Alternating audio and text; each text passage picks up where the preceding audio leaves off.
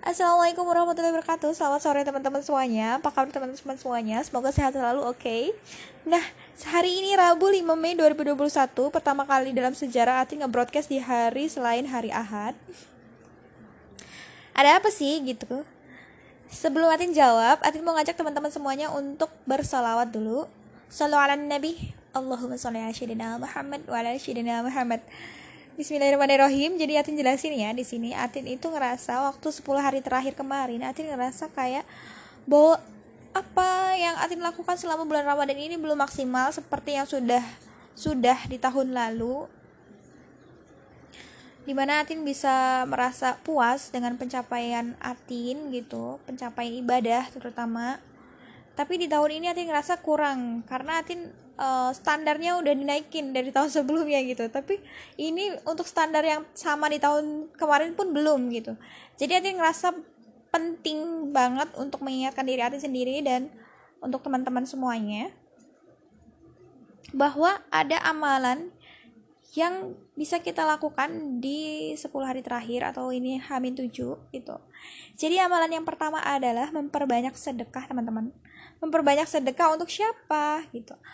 Jadi yang pertama, yang paling utama adalah bersedekah, bersedekah untuk orang tua, teman-teman. Setelah itu baru kita bersedekah kepada lingkungan sekitar. Jadi kita perhatikan di lingkungan sekitar kita apakah ada fakir, miskin atau anak yatim piatu yang lebih membutuhkan.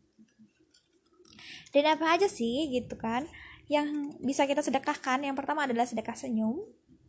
Kemudian sedekah ilmu, sedekah tenaga, atau sedekah takjil jadi kita biasanya ada uh, is istiadat apa ya adat istiadat gitu maksudnya untuk berbagi takjil gitu teman-teman. Itu pahalanya luar biasa loh. Sama seperti kita mengerjakan puasa orang yang kita beri makan untuk berbuka gitu. Atin nggak tahu nggak hafal banget hadisnya gitu. Jadi harap maklum karena Atin ini masih orang awam masih belajar. Oke next lanjut ke amalan yang kedua jadi yang kedua ini adalah tilawatil Quran. Nah teman-teman gimana nih? One day one juice-nya? Sudah bisa berhasilkah atau sudah bisa lebih? Masya Allah luar biasa ya.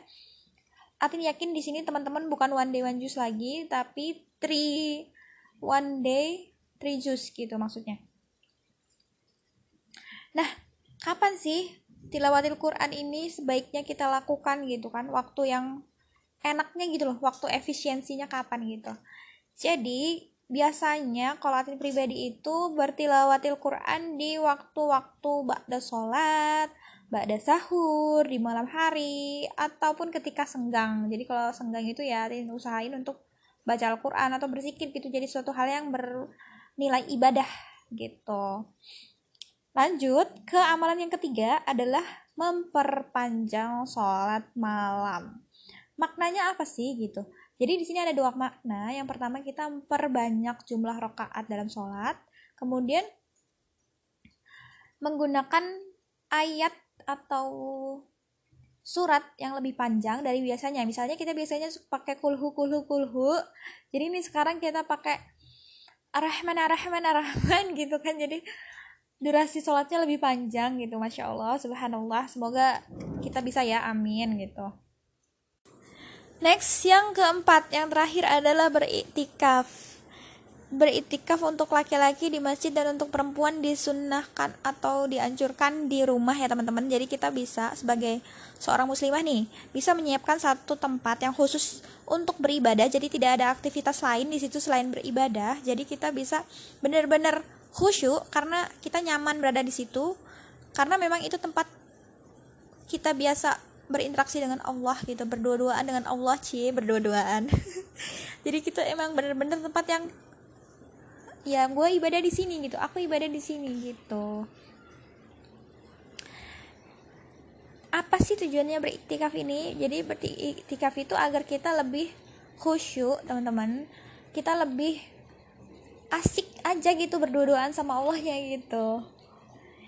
Oke teman-teman jadi segitu aja dulu dari aku. Semoga bermanfaat kalau ada salah-salah kata mohon maaf itu adalah kesalahan dari admin pribadi jika ada kebaikan di dalamnya maka itu adalah dari Allah Subhanahu wa taala dan nanti masih belajar di sini dan nanti yakin bahwa teman-teman yang mendengarkan ini ilmunya lebih banyak dan pengetahuannya lebih daripada Atin gitu. Jadi mohon maaf atas segala khilaf. Atin akhiri wabillahi taufiq wal hidayah. Wassalamualaikum warahmatullahi wabarakatuh. Bye bye.